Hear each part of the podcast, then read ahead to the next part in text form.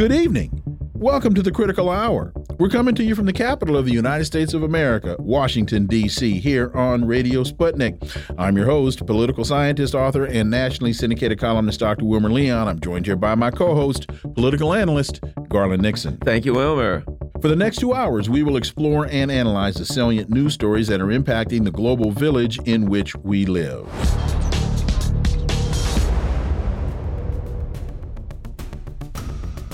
The Washington Post reports outliers Turkey and Hungary threaten NATO unity in standoff with Russia.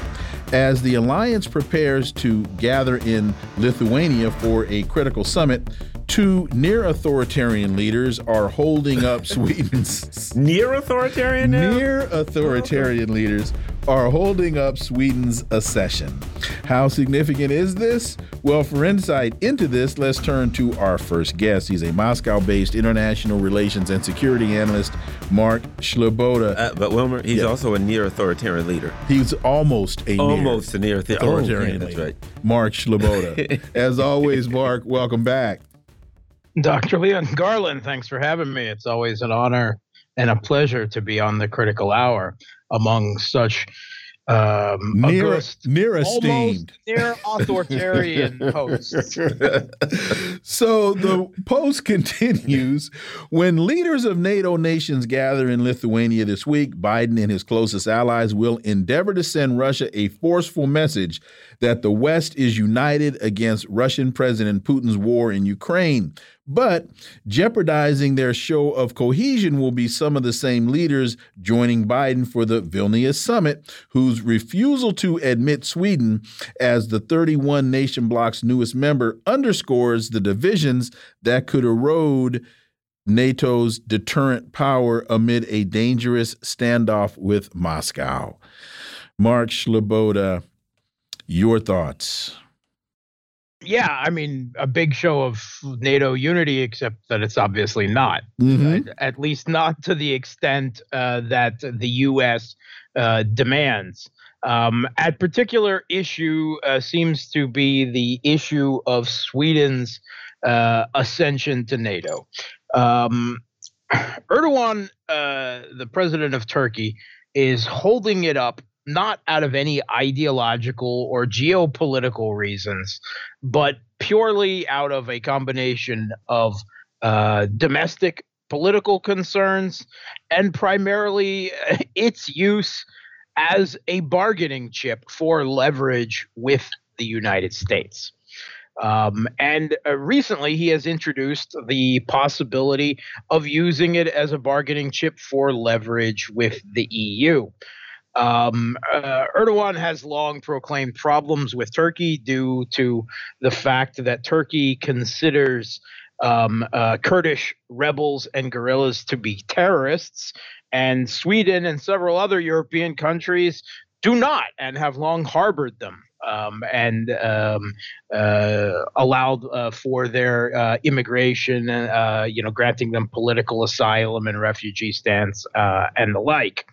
Um, uh, Erdogan has also a bit been been or, or the West has been frustrated, and and Erdogan has felt himself, I guess, unable to advance Sweden's um, NATO ascension path, even if he wanted to, over the fact that over the, the past few weeks, Sweden has authorized, you know, officially given the seal of approval, uh, and uh, for the destruction uh, of the Quran in protests in the country, the Muslim holy book. And this has taken place uh, several times, including directly outside the Turkish embassy, which the Turkish people find to be particularly offensive. Um, and so uh, Erdogan, even even if uh, he wanted to approve Sweden's ascension, he might find it domestically, uh, politically damaging uh, to do so. But there are, are several things still on the table that Erdogan is leveraging for. Um, uh, Erdogan has a pending deal for F 16s with the U.S., a very large purchase, um, modernizing some of the ones he has and purchasing new ones um, that the Biden uh, Biden admin has actually approved, but members of Congress have opposed, um, basically saying that Turkey needs to be more fully on board with the rest of NATO uh, and and uh, NATO values, quote unquote, first. Um, so Erdogan is still positioning uh, that issue. Um, he's not it's not being said out loud, but most analysts readily acknowledge that. In re- in the last 24 hours, he has also voiced uh, it, the F the uh, NATO Sweden ascension to NATO in the context of Turkey's ascension to the EU long dormant, Erdogan appears to be attempting to revive it and making it a an open quid pro quo. You let Turkey into the EU, and I'll let Sweden into NATO. It's that blatant of of essentially geopolitical blackmail. Um, uh, of course, that's not going to happen. So uh, it looks like Sweden will be hanging in limbo. Hungary's reasons for doing it uh, uh are, appear to be um, a lot less mercenary and more just an an expression of um, dissent with the Brussels technocrats uh, in the EU and and their counterparts uh, in NATO. Um, the Hungarian government has long made clear that it would not oppose Swedish membership uh, in NATO alone but as long as Turkey's doing it, we will too, which is a really kind of a strange position to take. Uh, but it definitely provides Erdogan with at least a little bit of flack. Um, and uh, uh, the two countries have a pretty decent uh, bilateral trade uh, relationship that appears to be uh, bolstered by this slight show of political support. Um, so this is going on. Um, however, U.S. pressure on Erdogan to express NATO unity before the NATO summit, when uh, as far as the U.S., the, you know, the rest of NATO is concerned, the future of the alliance is on the line with their proxy conflict with Russia in Ukraine. Um, the pressure was on Erdogan to express NATO unity. He can't do that with Sweden. He wants to preserve that. Uh, so what he appears to have done is uh, one announced that that he thinks that Ukraine's rightful place is in uh, NATO.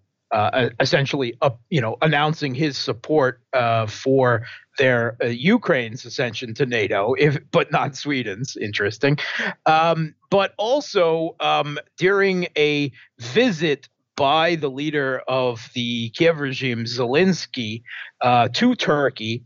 Um, Turkey handed back to um, Zelensky several um, uh, Azov neo Nazis who were taken prisoner of war by Russia a little over a year ago in Mariupol after the Battle of Azovstal. Um, there was a prisoner of war exchange.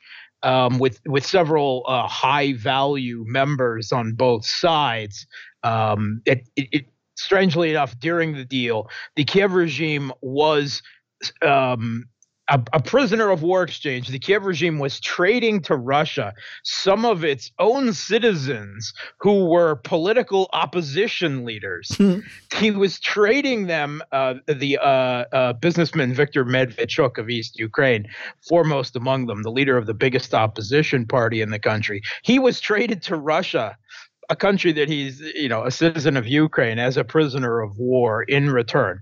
The Azov neo Nazis, uh, part of the deal, it was uh, brokered with Turkey, were supposed to go to Turkey and sit out the rest of the war, but would not be held in Russian custody. This was seen as a partial victory for Zelensky at the time. But now, apparently without letting Moscow know at all, Turkey's just decided to break that deal and hand them back to Ukraine. Um, and I guess that this is supposed to be a a less damaging uh, domestically um, nod towards NATO unity, his show of support of Ukraine, and basically um, flipping the bird to Putin over this. Speaking of President Putin, the Washington Post reports Putin met with Wagner leader Prigozhin after failed mutiny, the Kremlin says. What do we know about that, Mark? Yeah, I, I talked about this uh, last week on the show, and I, I disgressed, uh, described it as uh, Putin being cold blooded, pragmatic, and, and overtly that I found the whole thing disgusting and a big mistake. Uh, basically, uh, you know, Putin has made the assessment that he thinks that um, Wagner um, at least operating outside of the Russian Federation itself can still be useful to Russia. And he's not willing to see it dismantled or to continue to seek any type of, of vendetta or simple justice uh, against uh, the uh, leader of of the Wagner group, the the, the mutiny led by um, uh, the, the warlord Prigozhin. And um, he actually had a sit down meeting that lasted for several hours, not just with Prigozhin, but Wagner's 35 military commanders, because Prigozhin actually isn't the military commander. He's just the money and frontman. Um, and during it, uh, it, it's you know, kind of uh, very close what was actually discussed. But uh, the uh, Kremlin put out, the Kremlin spokesman put out directly that um, Putin uh, discussed with them further employment opportunities and deployment for operations, uh, which seems to be that, you know, whether it's a, a, a, discussion of Wagner members who are signing contracts with the Russian Ministry of Defense, or the ones who are refusing to do so and going uh, into quote exile, not exile with Prigozhin in Belarus, since Prigozhin has apparently spent more time in Russia since his failed mutiny than he has in Belarus. But it seems that Wagner forces there may still be used in military operations against Ukraine, perhaps in a much rumored and suspected Russian offensive uh, in the area south of Belgorod into the Kharkov and Sumy regions, uh, where Russia has announced that they will create a a, um, a a new buffer area to prevent uh, the um, uh, Kiev aligned uh, Russian uh, neo Nazis who have been uh, of the Russian uh, volunteer corps, quote unquote, from striking across the border from Ukraine into Russia. Um, it's the Kiev regime has actually been evacuating its own citizens from the borders between Sumy and uh, Belarus uh, up there uh, in the last week. So it definitely seems like they're they see that something is going to happen there, and it appears every possibility that Wagner may end up involved in it. We have just about a minute and a half left. Biden defends decision to send cluster bombs to Ukraine. Last year, the White House said the use of cluster munitions was a potential war crime. Now, all of a sudden, it seems to be okay. And I saw yesterday on uh, on Fox Fox News in the, on their morning show, Senator Tim um, Kaine from Virginia giving one of the most irrational explanations for this that I, that I've heard in a long time. Mark. It's real simple, right? I mean, the Kiev regime has been using cluster bombs against its own people in East Ukraine, right? Petal mines, which are a form of cluster munition, litters the ground with these small ordnance that, uh, you know, are camouflaged to look essentially like leaves, and a, a kid or anyone else steps on them. They've been using them in Donetsk City for nine years. They weren't a war crime when the Kiev regime used them. Um, they're not a war crime when when the U.S. is announces it's going to send hundreds of thousands of them to the regime that has used them against their own civilians or civilians they believe are their own uh, for nine years. But Russia, of course, uses the same cluster munitions in actually a much more restrained manner. That is a war crime. See, some cluster munitions are good and others are evil. It's it's it's pretty clear. This isn't some game-changing weapon. UK regime has been using them. Turkey's already been supplying them. Turkey's a NATO member. Uh, Turkey's already been supplying them to Ukraine. But Biden made clear he's only giving them because NATO is completely out of 155 millimeter artillery shells to give to Ukraine. They can't, they've even exhausted Israel, South Korea, and Japan's supply. And these particular cluster munitions are in 155 millimeter artillery shell jacket. That's why they're sending them, just to have something to shoot at the Russians, even if it's not, you know, necessarily always as useful as the standard high explosive fragmentation artillery shell that that the U.S. has been supplying with previously. I will take exception to your point that these are not game changers because if you're a farmer five years from now tilling a field where these have been used, or if you're a child out somewhere and you see this attract shiny little uh, object on the ground, it will change your game. So, uh, uh, the attractive nuisance that it is, it will change your game, which is why they have been outlawed by over 100 countries. Mark Sleboda, as always, man, thank you so much for your time. Greatly appreciate it. We look forward to having you back. Thanks for having me. Folks, you're listening to the Critical Hour on Radio Sputnik. I'm Wilmer Leon. I'm joined here by my co host, Garland Nixon. More on the other side. Stay tuned.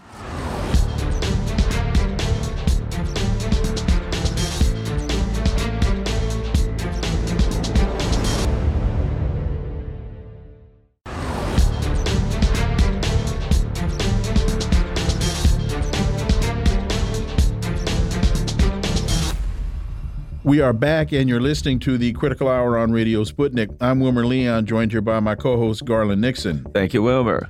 Cluster munitions will change nothing for Ukraine. The Biden administration has announced that it will be authorizing a new tranche of military support for Ukraine. For insight into this, let's turn to our next guest. He holds the John J. and Rebecca Moores Chair of History and African American Studies at the University of Houston. He's one of the most prolific writers of our time. His latest book is entitled Revolting Capital Racism and Radicalism in Washington, D.C., 1900 to 2000. Dr. Dr. Gerald Horne, As always, welcome back. Thank you for inviting me. So, the U.S. has, prior to the recent announcement, refused to provide cluster munitions to Ukraine for one simple reason. Much of the world, including many of America's NATO allies, views cluster munitions as representing an unacceptable risk to civilian life due to the high occurrence of dud munitions or munitions that fail to detonate on impact. As a result, cluster munitions continue to kill long after the battle where they were employed has ended. The victims tend to be civilians who stumble upon these munitions and inadvertently set them off. Uh, Dr. Horne, I don't know that cluster munitions are going to be a game changer on the battlefield. They will be a game changer once the war is over to again those civilians that happen to stumble upon innocently stumble upon them. Uh, why, particularly after even Joe Biden saying previously that cluster bombs or or, or using them are, are war crimes, he has acquiesced at this point. I think it bespeaks the desperation of U.S. imperialism and its NATO allies, a desperation which will be on full view in Vilnius, Lithuania, this week when NATO meets. Interestingly enough, Lithuania happens to be the most anti Beijing European nation extant today. However, I do think as well that this is a significant human rights crisis. That is to say, that these so called uh, cluster munitions are akin to landmines, which you may recall that the late Princess Diana campaigned against vigorously because they were used so promiscuously by U.S. allies, particularly in southern Angola, particularly uh, during the wars for liberation. And that has helped to create a generation of amputees, particularly youthful amputees to this very day, who stumble over them. Clearly, this sending of uh, clu- uh, cluster munitions uh, to the theater of conflict in Ukraine uh, helps to uh, blemish the already blemished reputation of U.S. imperialism with regard to human rights. It also points up the splits in the coalition. And Helena Baerbock, the hawkish German foreign minister uh, came out against uh, this dispatching, as has Congresswoman Barbara Lee of the Congressional Black Caucus, now enmeshed in a failing campaign to become the next U.S. senator from the Golden State, replacing Dianne Feinstein. I should also say that this sending of cluster munitions to this theater of conflict also shows that Washington may be involved in a kind of last ditch Hail Mary before the roof falls in. The roof falling in meaning a generational defeat in Ukraine, which will obviously call into question the very existence of NATO an avowedly anti Moscow organization. Simultaneously, uh, one can make an argument to use another well worn U.S. metaphor that a defeat in Ukraine in many ways exposes how the United States, as the musicians say, has been faking the funk.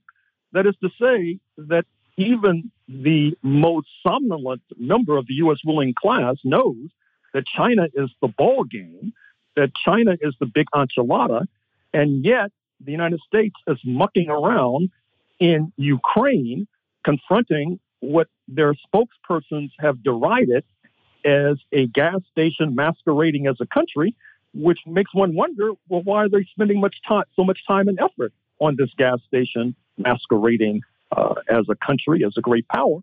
And I think, uh, in terms of faking the funk, perhaps they're afraid to go toe to toe with China. And so, therefore, this detour in Ukraine serves their cynical interests. Former um, Australian Prime Minister Paul Keating has a very has made an interesting statement, which is titled "NATO's provocative lurch eastward and the supreme fool Jens Stoltenberg." And the most uh, uh, uh, uh, interesting statement that he made was talking about NATO moving to um, uh, uh, the, moving to, to, to, to the Pacific region, he says exporting that malicious poison to Asia would be akin to Asia welcoming the plague upon itself. Strong words from a former Australian prime minister. Your thoughts, Dr. Horne? Yes. However, those of us who keep a close eye on Australian politics are not surprised. Uh, Paul Keating has been a stern critic of the anti Beijing policies that have been ginned up by Australia's erstwhile ally, speaking of the United States, followed by current uh, Australian Foreign Minister, uh, Mr. Albanese, who also happens to be of the same political party uh, as Paul Keating, speaking of the Labour Party. But perhaps uh, Mr. Albanese has happened to view the Hollywood film starring Sean Penn, The Falcon and the Snowman, which I recommend to your audience. It depicts what happened a few decades ago when U.S. imperialism sought to destabilize Australian government because it was seen as insufficiently hawkish with regard to the U.S. escapade in Vietnam. I dare say that this U.S. manipulation of Australian politics continues to this very day. Now that Paul Keating is safely out of office, uh, he can raise a ruckus. Mr. Albanese, the current prime minister, uh, is apparently uh, not so endowed, but that is the overlay helping to shape that very arresting comment from the former Australian leader. So as we look at the the most recent turns in Ukraine, and we now we know we have this NATO meeting uh, on the horizon, uh, what really is is there for them to discuss? Uh, they've already decided to, uh, you know, Britain's already providing uh, depleted uranium. So I guess they're going to pollute the soil for who knows how long, how many generations to come. They now want to send in uh, cluster munitions to pollute the soil for, for who knows how long. What is there really for them to discuss? Oh, and, and let me and, and, let me add one more thing. And and Joe Biden's now saying, well, you know what? I think we need to move uh, Ukraine over to the uh, Israeli plan and give them a four billion dollars a year in hard-earned American taxpayer dollars. Well, it's clear that U.S. imperialism is facing a major crisis. They have limited options, amongst which is pushing this entire planet to the point of nuclear annihilation. I would not necessarily rule that out, though it may seem unlikely to many in your audience. And then, of course, there's the other option, which seemingly is being pursued the option of the frozen conflict, whereby you use Ukrainians as pawns on a chessboard to try to tie down Russia indefinitely into the next decade so that Russia will not be able to play a robust role with regard to its alliance with its neighbor, speaking of China. Right now, it seems that the latter option is being pursued. The tragedy, amongst others, is that the Ukrainian leadership apparently is going along with being pawns in a larger game. Obviously, the Ukrainian people are the major loser. You know, let me ask one more quick question. I, in listening to you when you started talking about nuclear annihilation, maybe they figure if we blow it up, we can make a whole lot of money rebuilding it. It'll be a, a global Marshall Plan. They did it during World War II. Maybe they figure if we blow up the world, we can we can revitalize the U.S. economy by rebuilding it. Well, it would not surprise me if the harebrained in Washington were coming up with such a diabolical, devilish scheme. However, someone should pull their coats and apprise them of what is called nuclear fallout. That is to say, if you detonate a nuclear weapon in Ukraine or, heaven forfend, in Russia, the nuclear fallout will inevitably impact the United States of America, just like you see in your newspapers today that air and air that happens to be polluted due to imperialism and colonialism is wafting across the Atlantic to Florida. Imagine what happens with regard to nuclear radiation wafting across the Pacific. Speaking of the Pacific, Treasury Secretary Janet Yellen visited China. There, she tried to press the world's biggest economy on several issues. Yellen's visit to China has failed, according to the Moon of Alabama. Dr. Horne. Well, she had a difficult brief to argue. That is to say, Secretary Yellen was dispatched to Beijing to clean up the unfortunate remarks of President Biden, her supervisor, who referred to the Chinese leader as a dictator after finagling a meeting by uh, Secretary of State Anthony Blinken, which obviously China was unwilling to host. So, therefore, you see that Secretary Yellen has moved away from the notion of the United States decoupling from the Chinese economy or even de risking, to use the Brussels phrasing. Now she just talks about diversifying. I'm not sure what the next phrase will be, but obviously they're trying to climb down from the exposed position in which they were found. Secretary Yellen also has the difficult brief to argue, encouraging and enticing China to continue to make loans to the U.S. Treasury so that the U.S. government will not collapse and so that workers from the post office to the Pentagon can continue to be paid.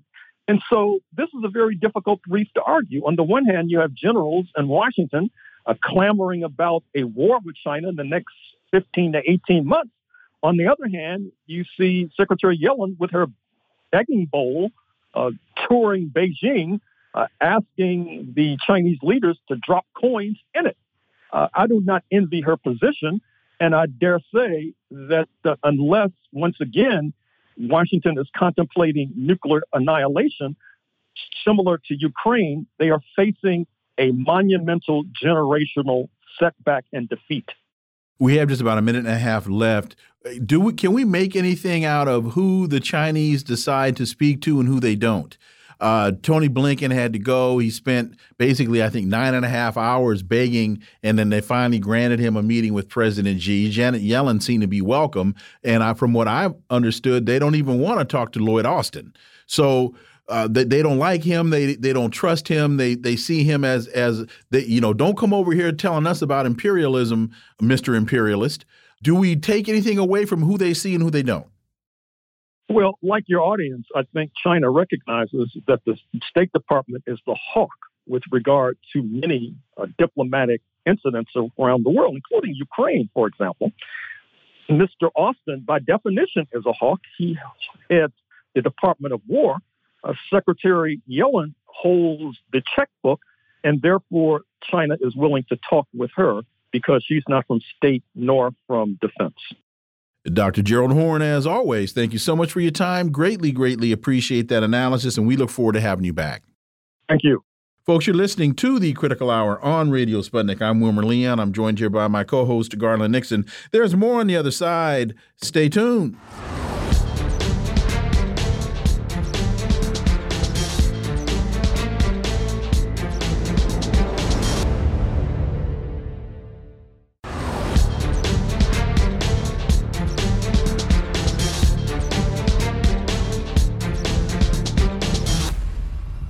We are back, and you're listening to the Critical Hour on Radio Sputnik. I'm Wilmer Leon, joined here by my co host, Garland Nixon. Thank you, Wilmer. Al Mayadeen English has a piece entitled China's Trillion Dollar Investment in the Middle East Threatens U.S.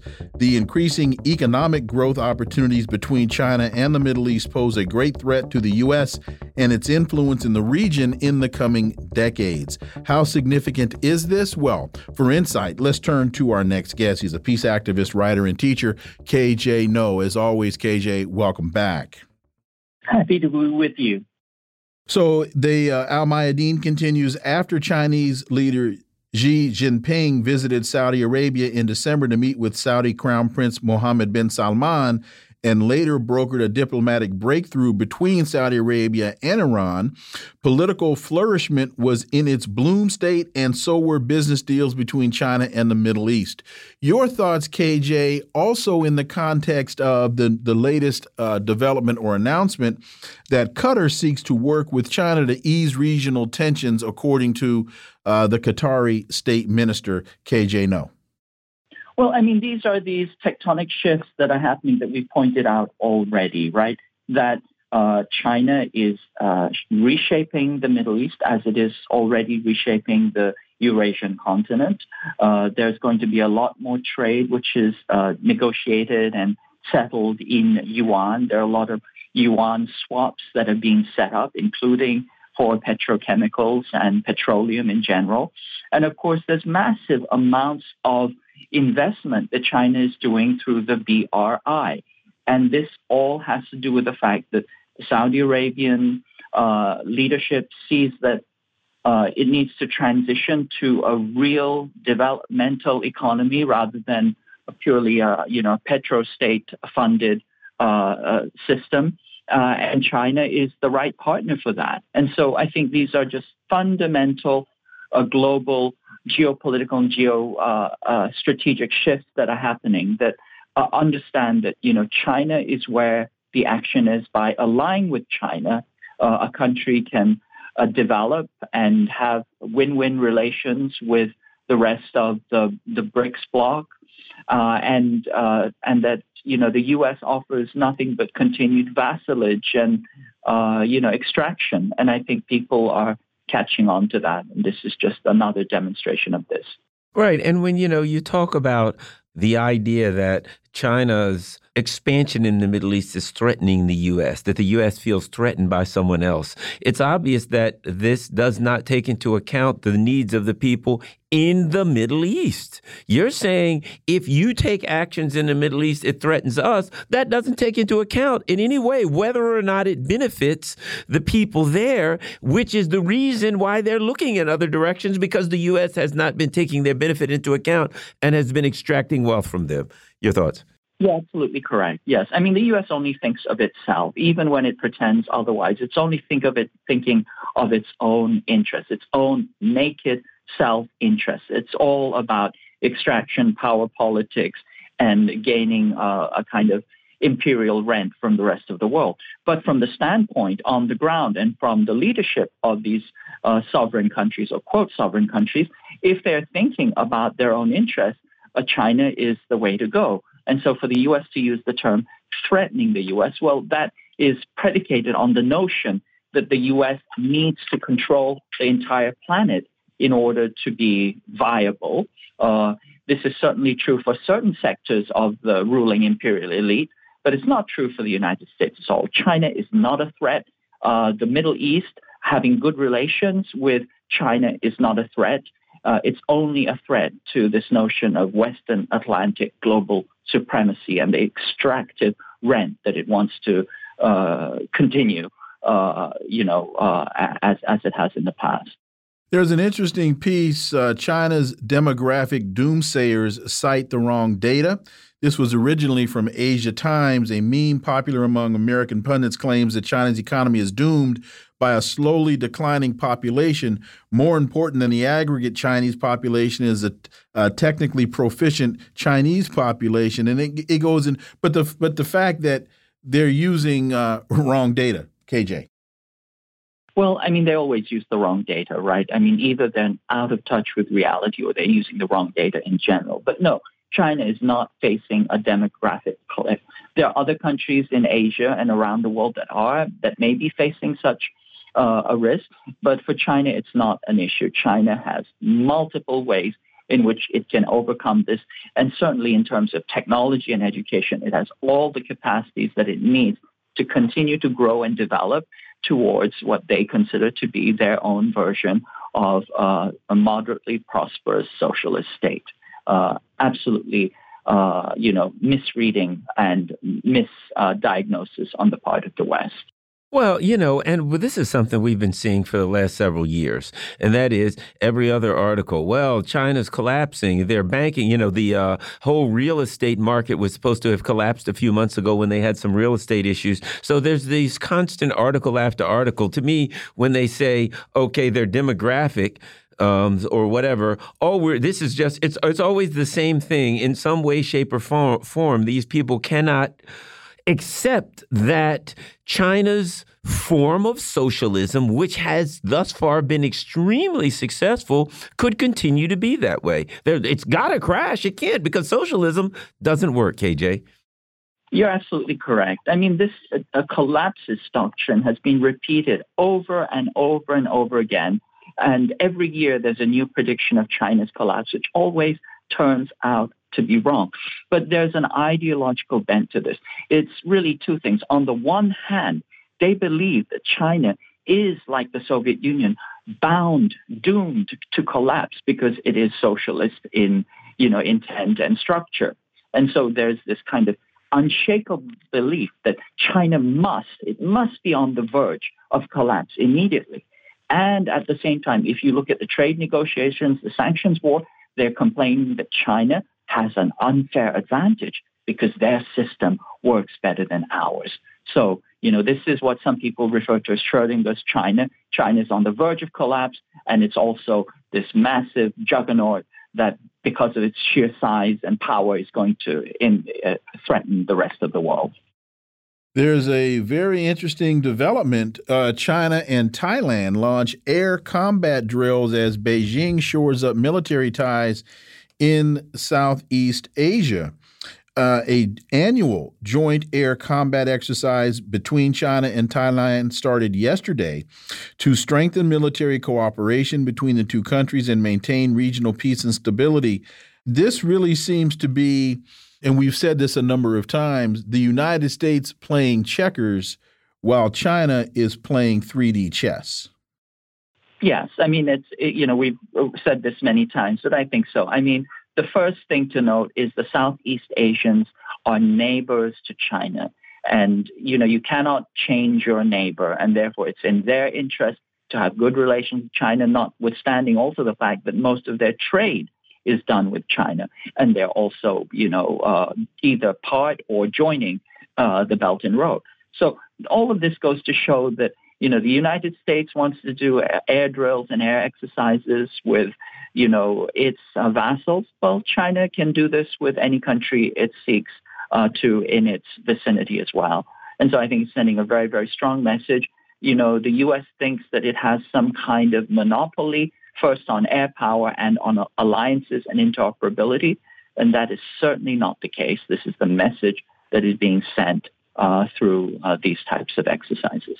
And I think we've seen China do the exercises with Russia.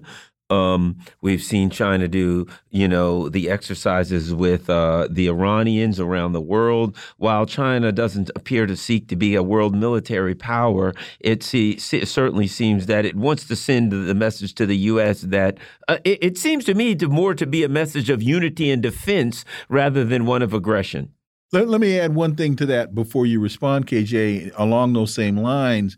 And that is in the West, we continue to hear about this conflict between the United States and China. But what this clearly highlights is it's much, much broader than that. And so it basically, you think you're taking on, the West thinks it's taking on China, it's taken on the whole neighborhood.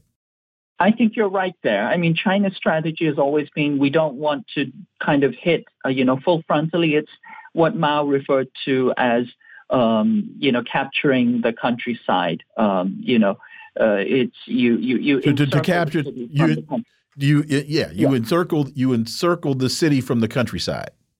Exactly. So, you know, if you want to think of China's neighborhood, the Southeast Asian nations, uh, China is just continuing to build relations with them. I mean, uh, it's done exercises, you point out, with Russia and Iran, but also with Cambodia, with Indonesia, with Laos and Singapore. Uh, and so uh, anything the U.S. does, China can do as well. But more than that, it's building not only military ties, political and economic ties. The economic ties are key. And once again, it goes back to this notion of win-win. The countries can cooperate, they can trade, they can mutually develop each other, and that is a win for everybody, whereas the U.S. only thinks in terms of zero sum. You're either with us, against us, and any gain is our loss, uh, and vice versa.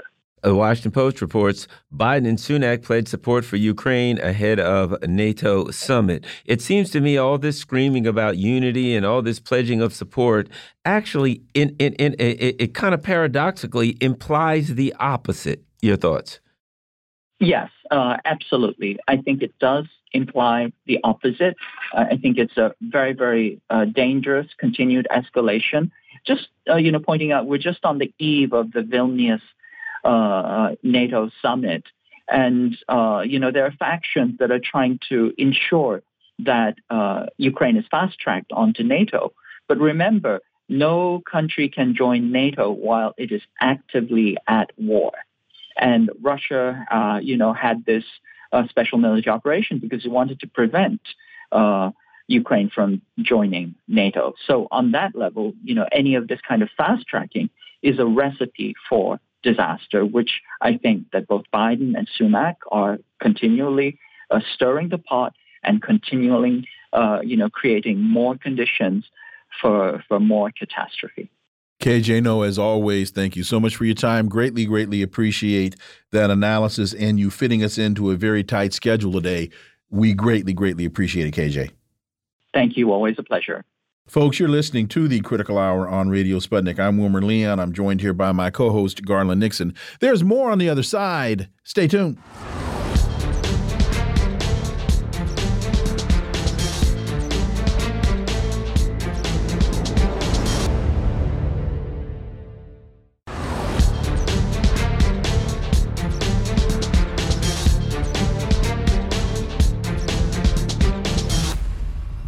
We are back, and you're listening to the Critical Hour on Radio Sputnik. I'm Wilmer Leon, joined here by my co host, Garland Nixon. Thank you, Wilmer. Meta's new Threads app is censoring from day one. When Meta CEO Mark Zuckerberg said that this new platform, Threads, would be a quote unquote friendly place, everyone knew what that meant. His idea of kindness and friendliness would be one narrowly defined by some by the same people that have been on a censorship spree over the past several years. What are we to make of all of this? Well, for insight, let's turn to our next guest. She's a political commentator and uh, podcast host, Misty Winston. Misty, welcome back. Thank you for having me. I appreciate it. So, Threads is Meta's latest and boldest attempt to go head to head with Twitter. Operating as an independent app, but at the moment requiring an Instagram login. Threads is the stage for public textual interactions and dialogues among users linked to their Instagram profile. Um, it already has more than 100 million users, and it seems pretty obvious that Meta wants to monopolize social media and keep it under government control. Your thoughts, Misty Winston? Yeah, I would agree with that. I don't think anybody should be surprised by the fact that Mark Zuckerberg is creating a uh, safe space, right? A quote unquote safe space, a, a, very friendly place, which essentially just means that anything that goes against the establishment narrative uh, will be censored, will be silenced, which is uh, to be expected. Um, so yeah, I, I, it's it'll be interesting to see how this plays out. They did get a significant amount of signups already. Um, I don't know how many of those are actually active users, but I think it's going to be interesting to see how this plays out, given the fact that a lot of people uh, have been upset with Elon Musk and his direction of taking Twitter. So uh, it seems as if there are some factions being built here on social media. You know, when I read it, apparently Gus, uh, Zuckerberg said the goal is to keep it friendly Friendly is the word that he uses. Friendly. And I interpret friendly being mindless prattle. You know, like the kind of people that put pictures of their food on their Facebook page and their workout, which is fine. I mean, hey, that's great. And for all of those who want to do that, I think that's, uh, you know, hey, people should enjoy their lives any way they choose.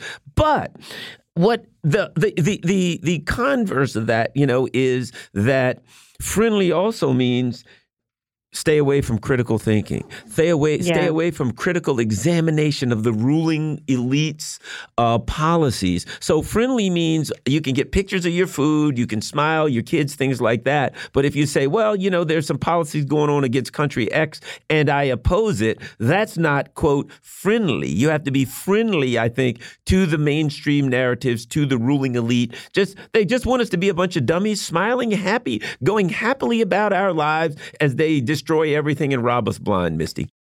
Yeah, exactly. I think that they don't want you thinking for yourself. They don't want you examining anything outside of the approved narratives and the approved storylines. Uh, and so friendly just essentially means watered down and censored. And uh, they don't want you to have any kind of information that disrupts their agenda. And so it's just, like you said, it's just going to be a bunch of pictures of everybody's lunch, uh, maybe some cat videos, things like that, which again, like you said, that's fine. If that's what people are interested in, then I mean, by all means, uh, go and, and find that for yourself. But I think that it, I think it's been made very clear what kind of uh, uh, pl platform that this is intended to be. When you look at who the designers of the platform are, when you look at from whence they've come, whether it's this platform or there are a couple of other platforms that have also just been launched, they all seem to be former Twitter people. Yeah. So, in fact, I, I think that Elon Musk is suing. If he's not suing Threads, he's suing one of the others for infringement on um, I forget the term, the, the legal term, but corporate information and all that kind of stuff. So again, this just looks to be a remake of Twitter through Instagram. Yeah. Yes, 100%. And I think that we've seen, uh, like you said, a couple other platforms have attempted to come up with their sort of version. I think we have Substack now that has something very similar. I think that actually might be who Elon Musk is going after. There was a, okay. a bit of a, a, spat between the two of them. Uh, Elon Musk turned it, made it so that you can't uh, directly linked to Twitter and all of that stuff from Substack. It's all, you know, very convoluted. But it does seem as if uh, a lot of people, I think there, I think a lot of these uh, social media giants smelled blood in the water uh, once Elon Musk took over. All the drama started. I think that they started to see an opening uh, and I think it, it needs to be said that Facebook has already won one of these battles. I mean, they went up against MySpace and I mean, just completely annihilated them. So they have some, uh, they have some relevant history here as to how to do this. So again, it is going to be very interesting to see all of these companies and all of these platforms duking it out. Um, I would just very much like to see the free speech kind of platform win. Doesn't it also isn't isn't there also a huge age demographic here? I, my son is 21 and I remember a couple of years ago, I mentioned Facebook to him. He said, Daddy, nobody uses Facebook. That's just so antiquated. Yeah. Oh, you're so old. and so, so isn't this also a rush to try to capture the, uh, a, a particular age demographic? I think that there's probably something to that. I think that um, you know Facebook has they've been kind of seeing a drop off of participation on their websites. As you said, it is mostly just older people now on Facebook. A lot of the younger people have moved on to Twitter and TikTok and all of those other kind of newer platforms. So I do think that there probably is some uh, kind of desperate grasp to try to capture an audience uh, that really doesn't have another platform. I mean, they are on Facebook, but I think this offers uh, something slightly different to that demographic, um, and it's probably uh, that is, I would say that that's probably some of the strategy here for sure. You know, and, and, not to say that Twitter is good, bad, or indifferent, but I will say this now. um, under Musk, I will say Twitter, well, for, for one thing, I actually got my account back, so that's a good start. but I can say yeah. some things on Twitter that I couldn't get away with before. You can do some things on Twitter that you could never get away with on Facebook or some of the other platforms.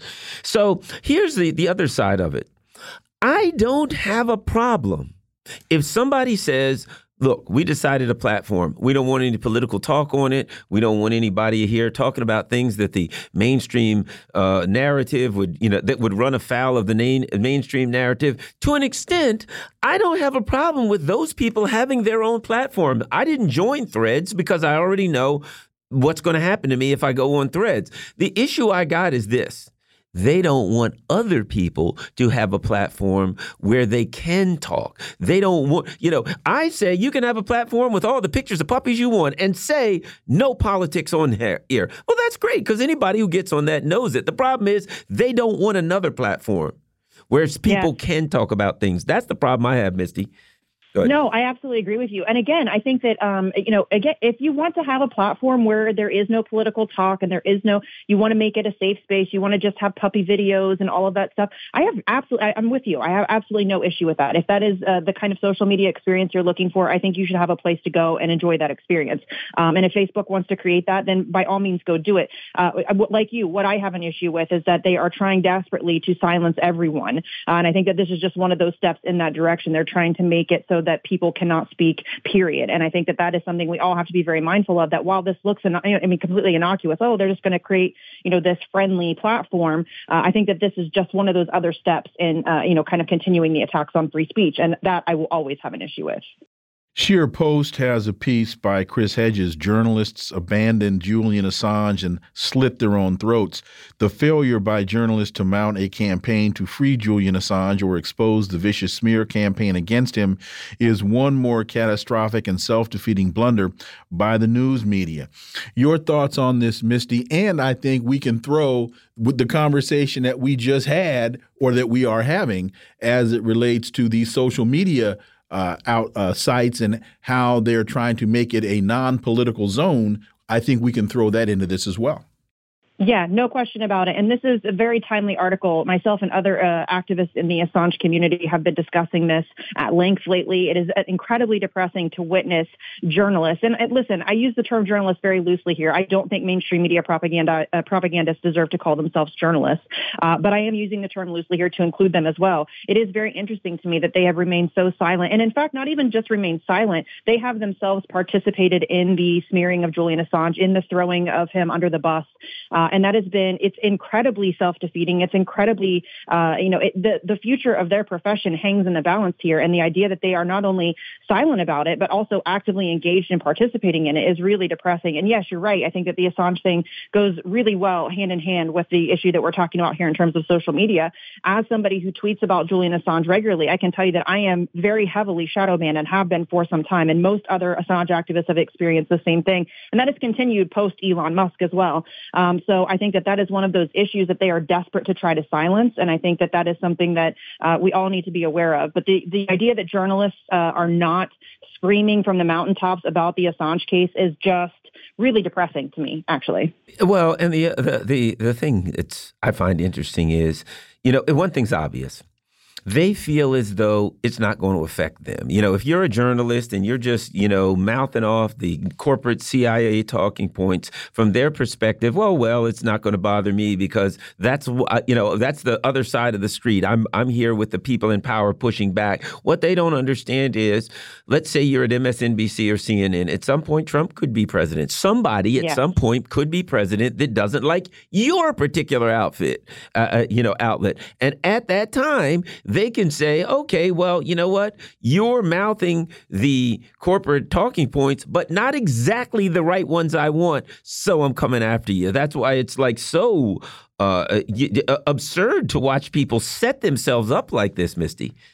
Yeah, no question. It is very depressing. Uh, like you said, right now you may be safe because you work at MSNBC and Joe Biden is president, but there could come a time where there is somebody in office who uh, doesn't fall along, uh, fall in line with your per- personal political ideology, and they could. Uh, and we we all heard the liberals uh, freaking out for four years about how Trump was attacking the media because he was mean to Jim Acosta, right? Uh, and so it is very simple-minded. It's very small-minded. It's very again self-defeating for them to remain silent on this because it, what what what I think think a lot of people are missing is that they get to determine who and what is a journalist and journalism, and they get to. Uh, it, it's a very fluid definition, and so it could come for any one of us at any given time, uh, and it's something that I think everybody, not just journalists, everybody should be freaking out about. Everybody should be speaking out against it, uh, and it is just uh, it, it's it's just been really uh, mind blowing to witness the the amount of uh, censorship, the amount of silence, the amount of just just mindless self-defeating attitude uh, that has gone along with this case. And it's not even just mainstream media. We should mention that this is also pretty prevalent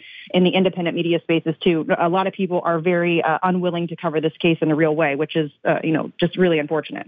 Well, in terms of being deplatformed or removed from your prominent media position, Tucker Carlson, I think, would be a perfect example of what we're talking about. For as despicable as I have found probably 97.37234% of what he says, but he still has the right to say it. Yes. Yeah, and he has been somebody who has been very vocally supportive of Julian Assange, at least as of recently. He wasn't always uh, mm-hmm. a supporter of Julian Assange, but he had, he, to his credit, despite the fact that he was not personally a supporter, he did have numerous people on to talk about the case and allowed himself to be presented with new information, did in fact change his mind, uh, and became a very, and in fact, the week before Trump left, left office, he covered it every single day on his show, having different guests on to try to encourage Donald Trump to throw a pardon in Julian Assange's direction. So, uh, yeah, I think that that is, something that people, and that's, again, to, not just in mainstream media. I think that that's the reason a lot of independent media people are silent because they are worried about being deplatformed, demonetized, censored, silenced, sh- shadow banned, all of those things. And I think that that's something that we really have to contend with in the independent media space. Leaked documents reveal Reuters helped this. You're going to find this shocking overthrow Egyptian democracy. uh, we've got about a minute and a half. Your thoughts on, on that and how that kind of fits into this conversation, Misty? Well, it's really again no surprise, right? I mean, we, we live in a time now. I mean, this was uh, you know uh, maybe a ten years ago or so, but uh, this is we live in a time now where mainstream media outlets are uh, you know uh, identifying and hunting down leakers and helping them uh, get helping the FBI identify them and arrest them. So this is really no shock. The mainstream media has been completely co-opted and corrupted by you know the establishment, and I think that that's and as we're talking about WikiLeaks, that is the antithesis of what WikiLeaks stands for. That's the opposite of what they have contributed to to the uh, the media space. So uh, yeah, I think it's uh, no surprise. I think everybody should be uh, totally uh, expecting of this from somebody like Reuters or from any of the other mainstream media outlets. This is what they do. This is what you should expect from them. Misty Winston, thank you so much for your time. Greatly, greatly appreciate that analysis, and we look forward to having you back. Thanks, fellas. I really appreciate it. Folks, you're listening to the Critical Hour on Radio Sputnik. I'm Wilmer Leon. I'm joined here by my co host, Garland Nixon. There's another hour on the other side. Stay tuned.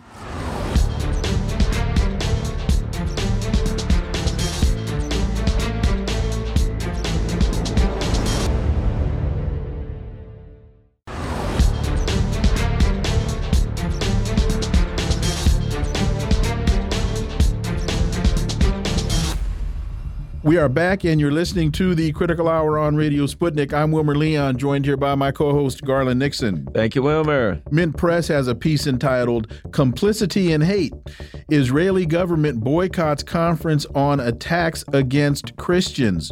Jerusalem Mayor Moshe Leon, no relation to me, denounced a conference organized by the Israeli Open University to discuss the increasing violence on Christians and Christian sites in Palestine. These attacks, carried out mostly by anti Christian Zionist hate groups, have increased at an alarming pace. Close to 20 incidents were registered between the end of 2022 and June of 23. For insight into this, let's turn to our next guest. He's a Mint Press News contributing writer, published author, and human rights activist born in Jerusalem. His latest books are The General's Son Journey of an Israeli in Palestine and Injustice, the story of the Holy Land Foundation 5. And he's the author of this piece. Miko Peled, as always, welcome back. Good to be with you, gentlemen. So explain what what is the significance of of this and why did you entitle your piece Complicity in Hate? Because it's about hate, and people, I think, don't have enough uh, proper appreciation to just how racist and hateful Zionist culture is towards anybody who is not of their own. So if you're too far to the left, then you're a traitor. If you're a Christian, then you know you deserve to be spat on, or your religious institutions deserve to be spat upon. So if you're a Muslim, then uh, it's okay to kill you. I mean, it's a, it's a very isolationist, racist kind of ideology, and Israeli society at large is, is very intolerant. What we're seeing is, and you know, this is just the things that have been reported. Uh, things that are not reported that are going on all the time is uh, is extreme, extreme uh, racism uh, and discrimination against Christians who are very, you know, it's a very small number of people in, in, who still remain in Palestine, and the Christian institutions, the people who operate these institutions. And I have to say that the Christian institutions throughout the Holy Land are like are beautiful. These like sanctuaries, you know, uh, and they've been there since you know time immemorial for the most part um, are treated with uh, terribly, and they always have to watch their step. They walk very carefully. They always have to worry about whether or not they'll be allowed to stay, whether they will be deported. So there's institutional hate, and then you've got the hate groups, the settlers, who we've seen we've seen attacking Palestinian towns, uh, burning people, burning families, and so on, who are executing on the ground the the racist slurs, uh, uh spraying racist slurs desecrating churches, desecrating uh, cemeteries, and so on. You know, you actually talk about a conference that was called "Why Do Some Jews Spit on Goyim?" Can you tell us about that uh, particular part of your your article? Yes, you know the way they frame. There's a problem. There's a very serious problem. I mean, you know, Christianity is part of the makeup of the Holy Land, and Christian institutions and clergy and, and so forth, and, and you know, people who worship are part of the makeup of the Holy Land, but it's part of the makeup of the Holy Land that Israel does not like. That you know, Zionists basically do not like, don't want to see. And so instead of framing this the, the this conference and naming it what it really titling it what it really should be is you know racism and discrimination and and horrifying treatment against Christians in the Holy Land. What they did was they kind of phrased it as so as though there's some kind of a Jewish um, there's some kind of a Jewish uh, custom where you're supposed to spit on Christians. And then they they go on and explain that there's a history to it and there's a psychology to it.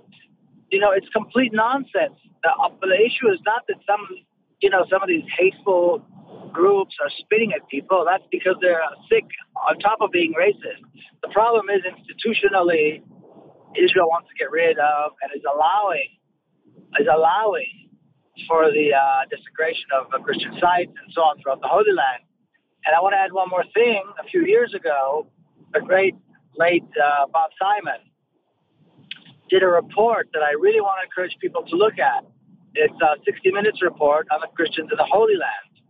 And the Israeli ambassador at the time wanted to crush it before it had even come out because it demonstrates precisely what, we, what I'm talking about in this article. And uh, it's an excellent, very, very strong report, and it's showing the, how the Palestinian Christian, you know, because Israel likes to pretend that it has good relations with Christians, of course, the evangelical movement here in America, and so on. But really, it's inherently a very racist ideology towards Christians as well. You write in your piece there can be no surprise here. Israeli government officials Members of the Jerusalem municipality and the Netanyahu government are themselves leading the hate groups and encouraging them to act.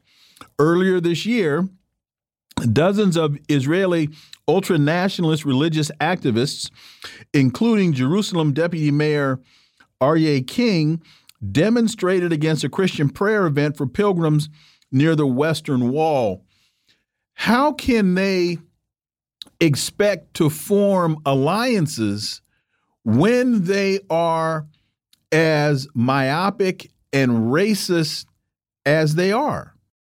I was going to ask you the same question. Oh, you know, I don't know. it's, it's, it's insane, you know. But the way they do it, and they do this on all fronts. They do this everywhere.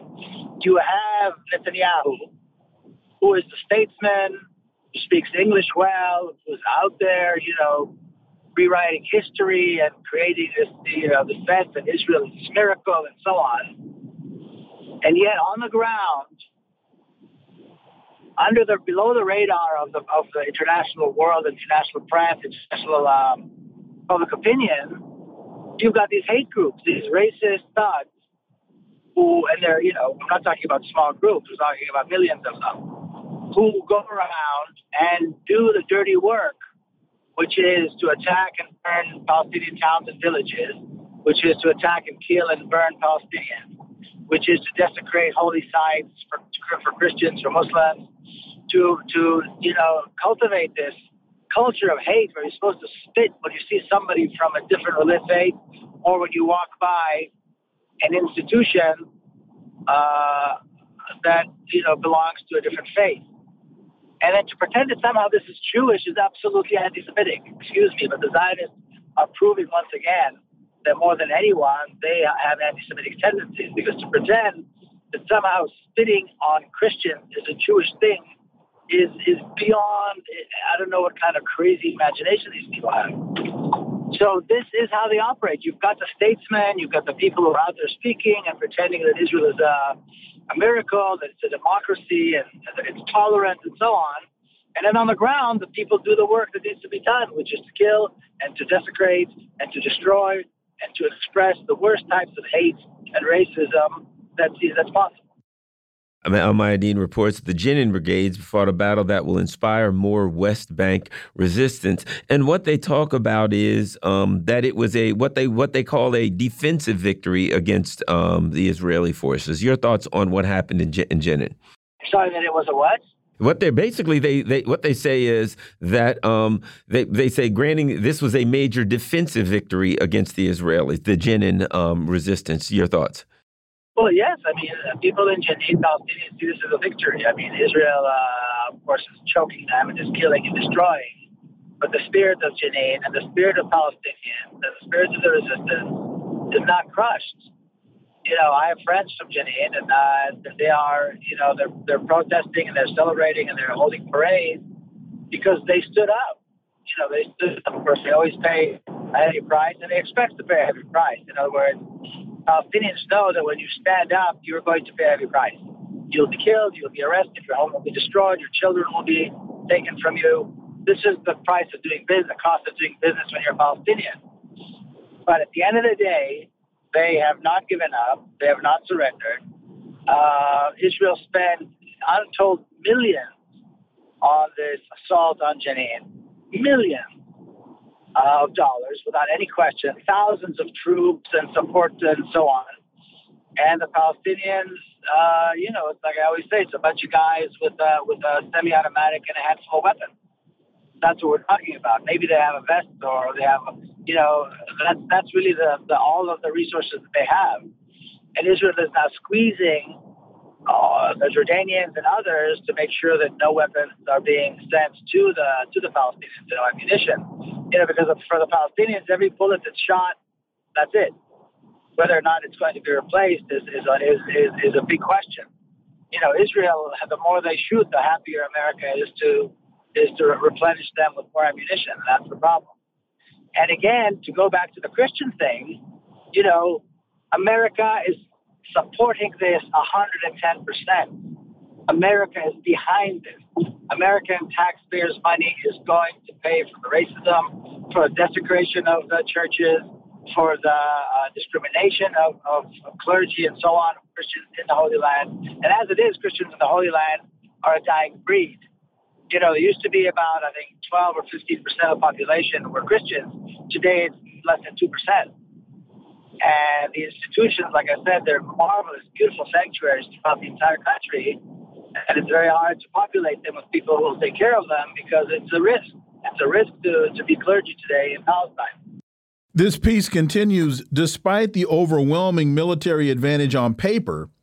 The Israeli occupation army was not able to penetrate into the center of the Jenin refugee camp, and its numerous attempts to do so were repelled. The very opposite occurred, granting the resistance fighters a major defensive victory against one of the best supplied forces in the Middle East. So now, do we see on the horizon this defensive victory becoming more offensive by the Lion's Den and other types of uh, Palestinian forces? I don't know because uh, in terms of logistics, Israel, of course, has the upper hand by you know a million to one. So whether or not Palestinians will be able to replenish what they lost and what they had used up is a very big question. I mean, Israel, Israeli soldiers, they're the best fed, some of the, you know, one of the best trained and equipped militaries in the world. But in terms of the human element, fighter to fighter, there's no question the fighters in Gaza, the fighters in Jenin, the fighters in, in Nablus are superior and they are working and gaining experience day by day dealing with, uh, you know, uh, responding to the challenges that they face. But logistically, they're under siege. Nobody is supplying Palestinians with arms. No one is supplying Palestinians with the means to defend themselves. Because the mantra is Israel has the right to defend themselves. Well, Palestinians are the ones who need to be supported in their defense of their homes and their families and their villages and their towns and so forth. But nobody does that if they do get any support, uh, you know it has to be smuggled in, and Israel is tightening and tightening the noose on that. So I don't know if we're going to be seeing a lot more of this, but what's for sure is that we've seen once again that even though Israel has you know a huge advantage uh, logistically and in terms of uh, in terms of numbers of forces, Israel can afford to lose forces. The Palestinians have proven that they're stronger uh, that they're better fighters. But you can't fight if you don't have ammunition. And you can't fight if the other side is, uh, you know, bombing you from the air and you don't have air defense. You know, so at the end of the day, this Palestinians are not being given the, the, the tools and what they need in order to defend themselves or to attack. Yeah, and I also think you know because we've seen multiple instances of you know um, uh, of, of, arms coming in when they have this success i think it also motivates the some of the people who are providing them arms to double down on methods to smuggle arms in. We got one minute. Yeah it's, it's you know who knows? I mean these things are, are, are pretty complicated and israel is now with this new government they're cracking up. I mean they're cracking down the way they've never done before and so I, uh, I, you know, I don't have any information. I don't, I don't, I don't see how how they can possibly, um, you know, build up the kind of force they need in order to continue. Miko Peled, as always, thank you so much for your time. Greatly, greatly appreciate that analysis, and we look forward to having you back. Folks, you're listening to the Critical Hour on Radio Sputnik. I'm Wilmer Leon. I'm joined here by my co host, Garland Nixon. There's more on the other side. Stay tuned.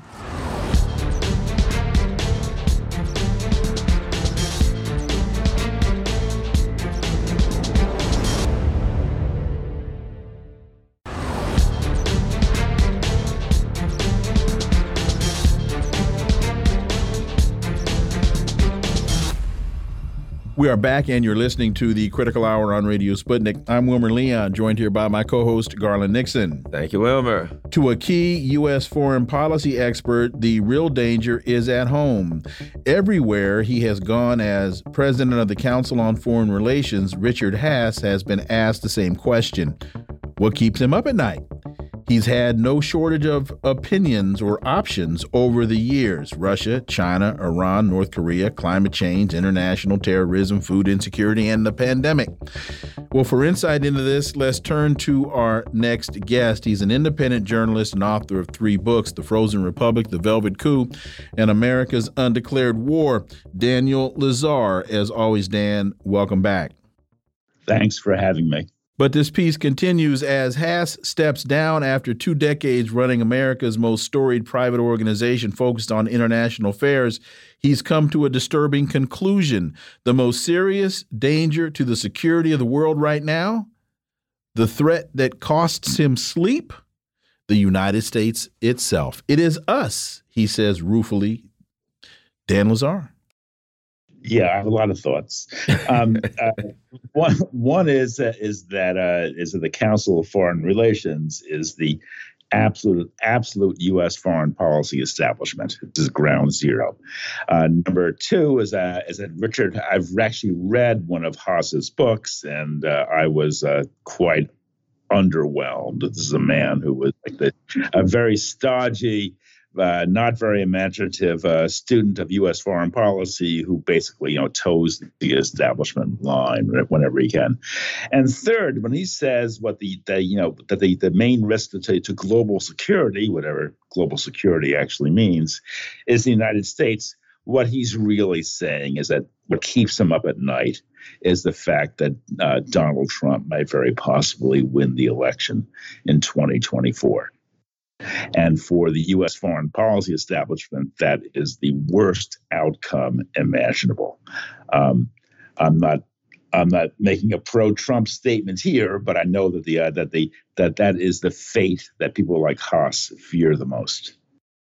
You know, um, and when you look at it, he talks about um, our domestic political situation is not the is not only one that others is not only one that others want to um, to emulate.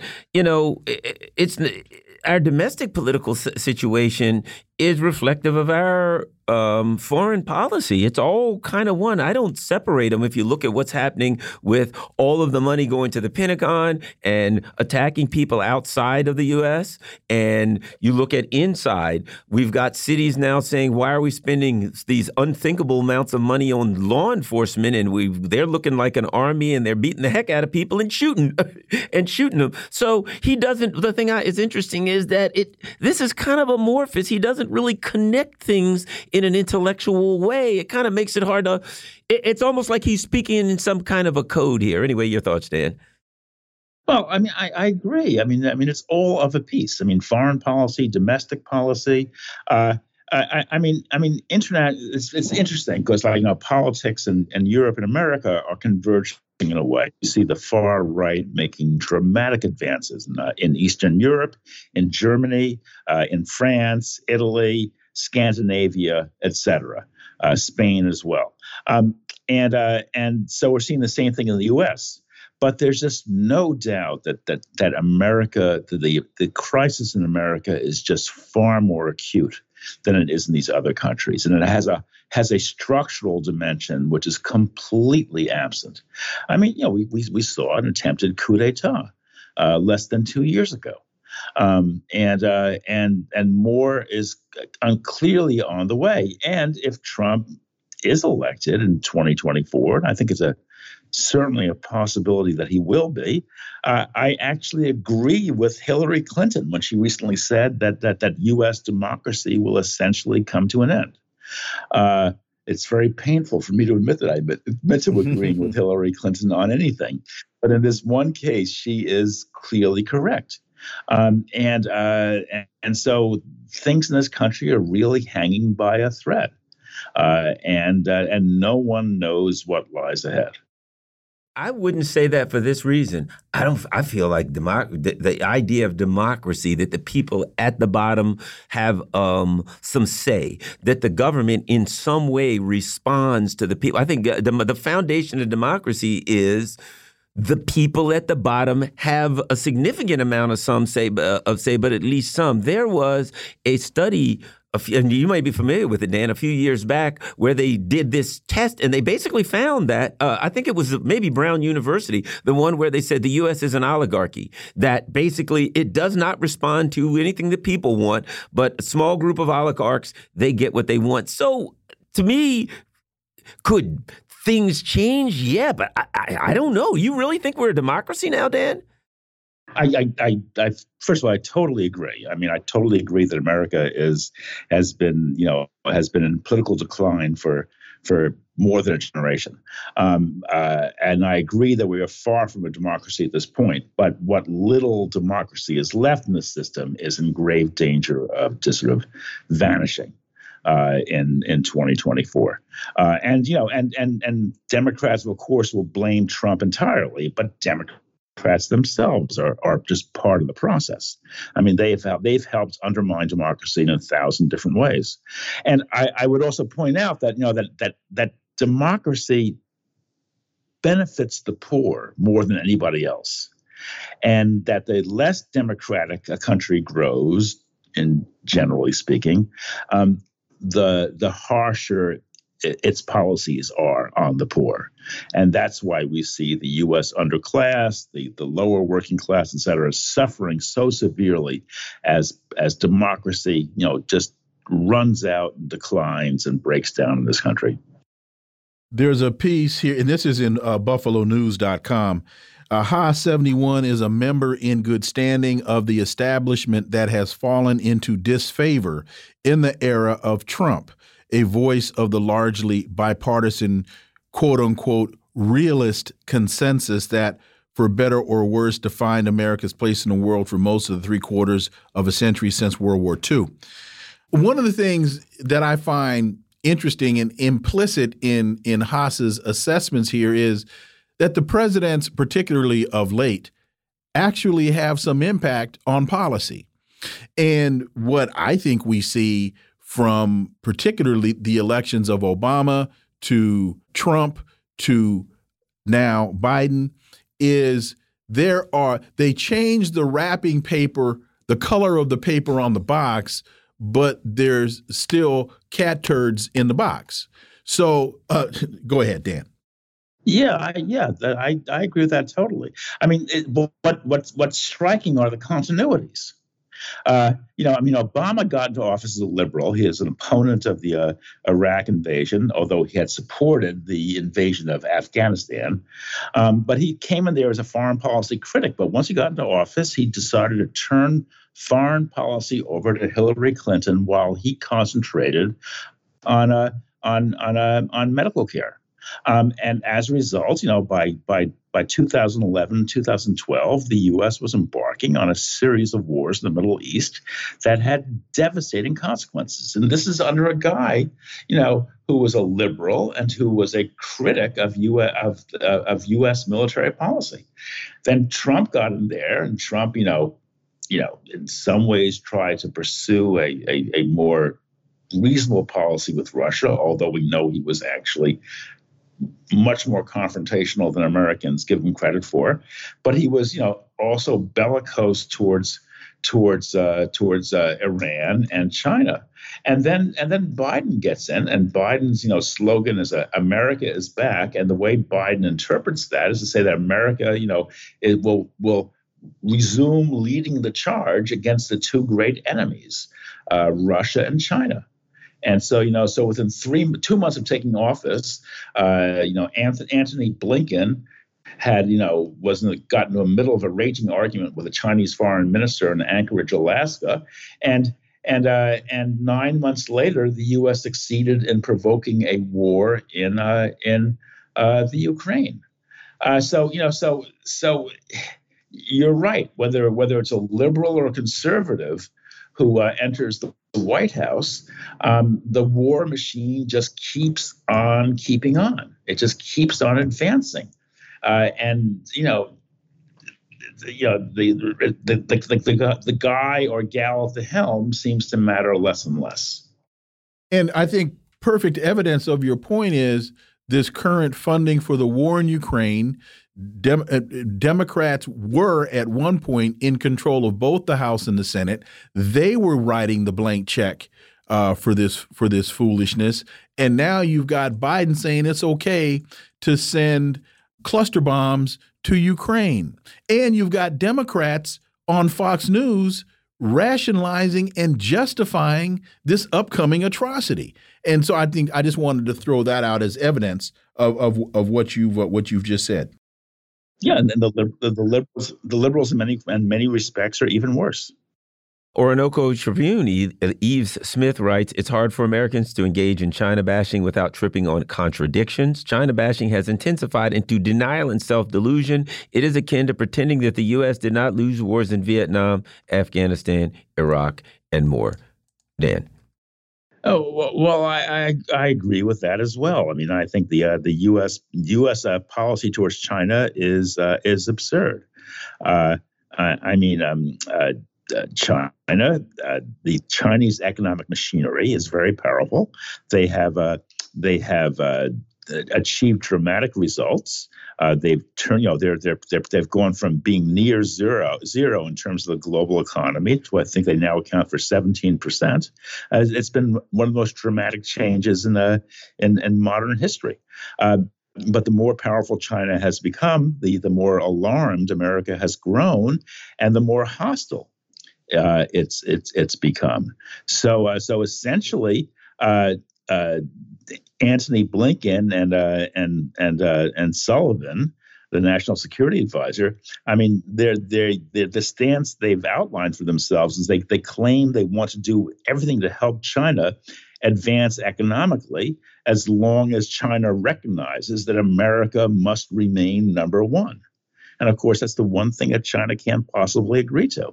So there's a it's a fatal contradiction, uh, and and and it can, and, it can only end in disaster. And the other thing to I think to add to that analysis is that a lot of the impetus for the growth of China had to do with American foreign policy, Amer and also well, the American industrial policy in terms of the deindustrialization of America. We we exported that to China. China has taken advantage of that, and now all of a sudden. The United States is crying foul, and China is saying, "I thought the market was supposed to set set the price. I thought the market was supposed to set the conditions, and we are in the market and now, unfortunately, we're controlling the market and you're crying foul, Dan Lazare. Yeah, I mean, everybody believes in a in fair trade as long as they benefit. But the instant a country a country stops benefiting, then suddenly fair fair trade becomes uh, becomes suspect. Uh, so yeah, so the U.S. was perfectly happy with, uh, with what was happening with China until China, uh, you know, reached the point of uh, of, of of challenging U.S. Uh, economic hegemony.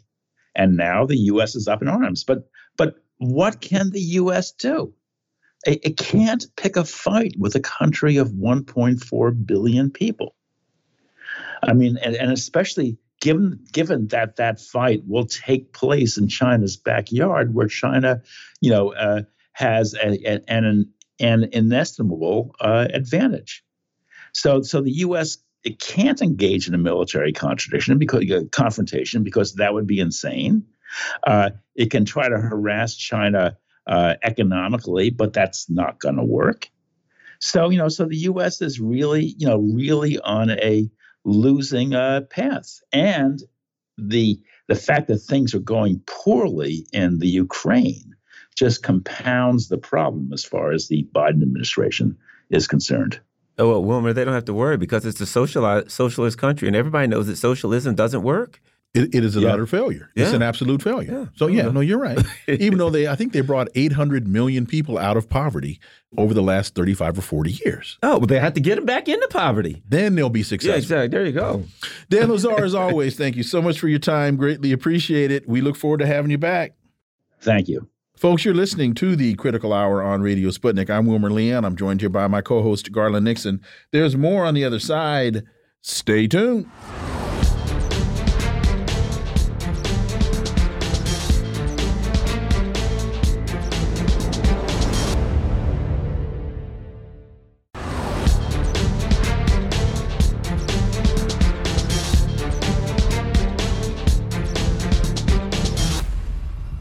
We are back, and you're listening to the Critical Hour on Radio Sputnik. I'm Wilmer Leon, joined here by my co host, Garland Nixon. Thank you, Wilmer. Telesur reports Latin American leaders reject Zelensky at EU CELAC meeting. Ukrainian President Zelensky will not participate in the summit between the EU and the Community of Latin American Caribbean States to be held, CELAC, to be held in July in Brussels. Let's find out why. For insight, let's turn to our next guest. She's the host of What the F is Going On in Latin America and the Caribbean, Teri Mattson. As always, Teri, welcome back. Great to be back. And this is a really terrific lead story that I think any of us in the Americas that uh, work in Latin America and the Caribbean can be uh, pretty positive about the results of this. So earlier this year, uh, Sanchez of Spain, uh, and Spain is the current president of the EU, uh, invited Zelensky to attend the EU CELAC summit to be held July 17 and 18 in Brussels, as you mentioned. Several Latin American and Caribbean heads of state protested. Uh, we don't have a list of where the initial protests uh, came from, what were the you know initial countries, but now it has moved to the majority nations and uh, the majority opposing the majority of Latin American Caribbean nations and uh, members of CELAC. CELAC is 33 countries in the hemisphere. It excludes uh, North America, U.S. and Canada, on purpose. Um, and so these nations uh, came together as a bloc and said no and supported the uh, initial heads of state that protested. And uh, all references to Ukraine have been removed from the summit's declaration. And part of the reason for this has been the suspicion, or at least uh, the appearance, that with Spain inviting Zelensky, representing Ukraine, to this summit that Latin America and the Caribbean would be in a de facto manner supporting Ukraine and or overtly supporting NATO and its expansion. And of course there are a number of countries in Latin America and the Caribbean overtly opposed to one or both of those. So it was um, success. They were successful in uh, uninviting Zelensky and he has and Zelensky himself has since publicly stated in the international press that he will not be attending. So that shows you what a unified bloc can do. Yes. What's interesting is that, you know, I can find this in the alternative media. I can find this in the media, you know, um, a lot in the, you know, media and Latin, uh, and Latin American media. But you know, CNN, MSNBC, Fox, I don't see anything about they they're still saying the whole world is uh, you know on the side of the neocons, et cetera, uh, um, not even uh, really counting. And I think what's important is in that is that they're not taking into account that Latin America is an important part of the world, that that's part of the problem. Your thoughts? I agree with you. And I also think it's a way of not giving their bloc and their unified decision making credibility by keeping it out of the mainstream media, the Western press. It's not in the, it's a little bit in the European press. The, but again, you know, the leftist, progressive leftist media in Europe, specifically, you know, because of Spain. But um, I, I, I agree with you, but I do also think it's a way of just uh, not uplifting the strength of a unified Latin America bloc. And so, you know, ignoring it or, or keeping it out of the media is is a way of not giving their, you know, unified decision credibility. The UN.org Secretary General reports uh, they're deploying a team of three UN experts to Honduras on uh, well, they just have, to provide technical assistance regarding the future establishment of an international, impartial, independent, and auton autonomous mechanism against corruption and impunity. Talk about this, Teri, because, uh, well, talk about this, Teri. This this is a big story and and this is something we're going to have to really follow very carefully because it does imply what we've all been talking about for a while is how fragile Xiomara Castro's government is. So, uh, in December of 2022, her government uh, declared a state of exception, and part of that uh, declaration what included um, an agreement with the UN to send a delegation to examine, as you mentioned, corruption, impunity, and the credibility of state institutions.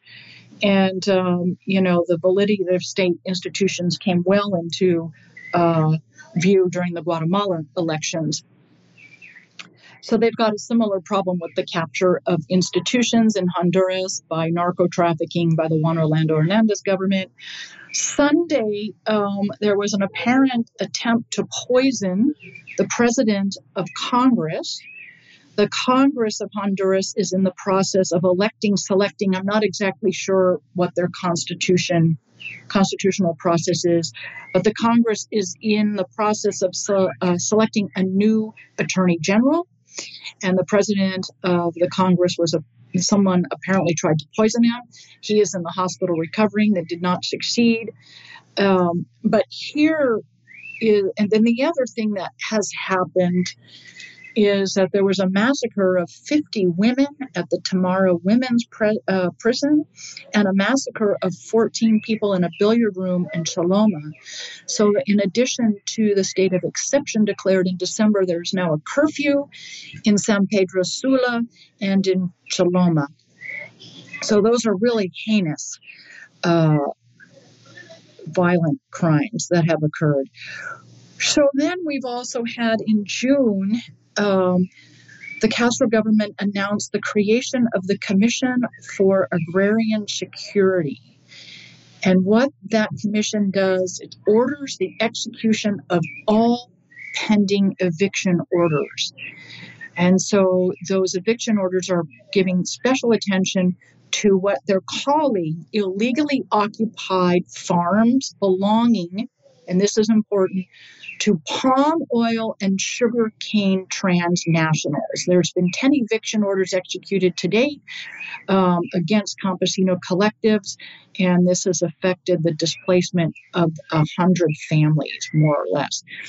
So now it's important to understand that this campesino community was the backbone of Partido Libre and had a large part in getting uh, Xiomara Castro um, elected president in November of 2021. So this is going to be something to really watch. And we don't know inside the country what sort of pressure uh, is being put on the government, you know, to continue working with transnational corporations.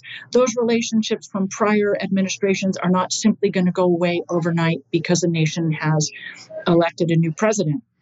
And we can have the same conversation, you know, about Mexico, about Colombia, about uh, Brazil. You know, these new presidents are have inherited very, very complicated, difficult economic and, uh, and political paradigms that don't just simply go away because the people have, you know, changed the government on election day. So this is going to be really, really important to watch unfold. Um, some of the theories regarding the violence in, uh, with the massacre at the billiard room in Choloma and the women's prison. Some two theories are that the violence is connected to Juan Orlando Hernandez's narco trafficking trial occurring in New York, and also specific to the prisons that they military leadership, the power in the military wants to take back the control of the prison system because of how profitable it is for the military. And so that's going to be one of those institutional things that perhaps the UN, you know, will be able to intervene on with some success. This is a really strong story that we really need to follow. Wow. Well, we will keep on top of it. Additionally, Republicans propose a border plan to send the military to Mexico. Republican presidential candidates and members of Congress are taking a controversial approach to take on drug cartels, sending the U.S. military into Mexico. And I've said this I don't believe it. I don't believe it. I think that they are that it's an intimidation tactic against AMLO. In fact, recently, not long ago, when he said they were doing some more nationalization, Joe Biden gave him, you know, kind of a um, an ultimatum. I think that it's not an accident that Joe Biden gives him an ultimatum on um, nationalization. He's going in the wrong direction. He wants to join BRICS, and then all of a sudden, the U.S. says, "Yeah, I think we've got to send troops to the border. Yeah, maybe we should just attack." I don't think. Uh, anyway, your thoughts on my suspicions. Well, and, and and don't forget Lindsey Graham. Yep. was was screaming at the top of his lungs, "We need to invade Mexico." Yep. So I will give you a really quick analysis on that. But I want to see that on um, June 9th, our Thursday, June 9th episode of What the F is Going On in Latin America and the Caribbean, we had an hour long conversation about this with journalist Jose Luis Granados Ceja of Venezuela Analysis and the Mexico Solidarity Project. I would highly recommend you have him come on your program to talk about U.S. the threats of U.S. interventionism in Mexico. He is Mexicano. And um, I'd also suggest you have Alina Duarte of Unray Media, which is a new media platform uh, with uh, Pablo Iglesias out of Spain. Again, she's a young uh, Mexicana journalist that, you know, they can really give you some in depth political context, historical and current, as to why this is happening. But yes, I agree with you. This is uh, a threat. The U.S. government does not want to see a successor to AMLO, in other words, Partido Morena, succeed next year in, in the 2024 presidential elections. They the there is uh, talk in Congress, and Lindsey Graham being one of them, about uh, designating the drug cartels. And I think we've talked about this before the drug cartels in Mexico as terrorist cells, terrorist operatives. operatives. So you can see in labeling cartels terrorists that that will open, if that happens, that will open a whole new toolbox for the United States to use against uh, Mexico. The other thing that is has come into play is the marketing or the importing fentanyl into the United States and blaming Mexico for that, when in fact that uh, drug comes from China. Or, and um, and so this could perhaps, if the U.S. does invade Mexico, the concern is if you're thinking more geopolitically that it would be and become a proxy war against China. And you can see how that could easily spin, you know, snowball into that. So this is a real thing.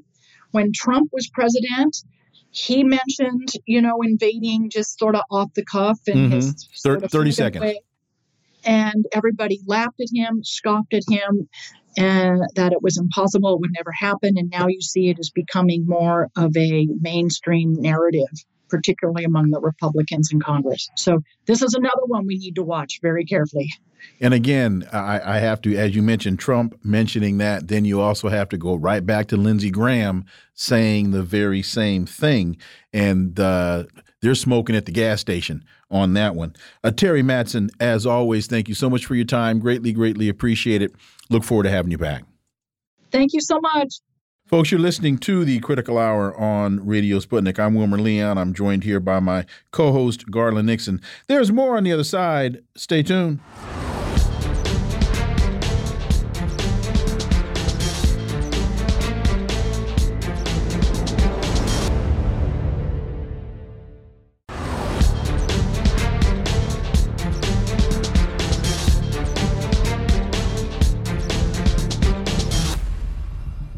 We are back, and you're listening to the Critical Hour on Radio Sputnik. I'm Wilmer Leon, joined here by my co host, Garland Nixon. Thank you, Wilmer. Biden suggests Israel model for Ukraine. Israel receives $3.8 billion in military aid from the U.S. each year but doesn't have a mutual defense guarantee. For insight into this, let's turn to our next guest. Uh, he's a, a, U.S. labor and human rights lawyer, writer, and activist. He's been a peace activist throughout his life. He's been deeply involved in the movement for peace and social justice in Colombia, Venezuela, Nicaragua, and other countries in the global south. He has taught international human rights at the University of Pittsburgh School of Law since 2012. Professor Dan Kovalik, as always, Dan, welcome back. Thank you. So, President Biden said on Friday that Ukraine won't be brought into NATO anytime soon, but said he's willing to give Kiev support similar to what the U.S. provides Israel. Quote, I don't think there is a unanimity easy for you to say, in NATO about whether or not to bring Ukraine into the NATO family now at this moment in the middle of a war.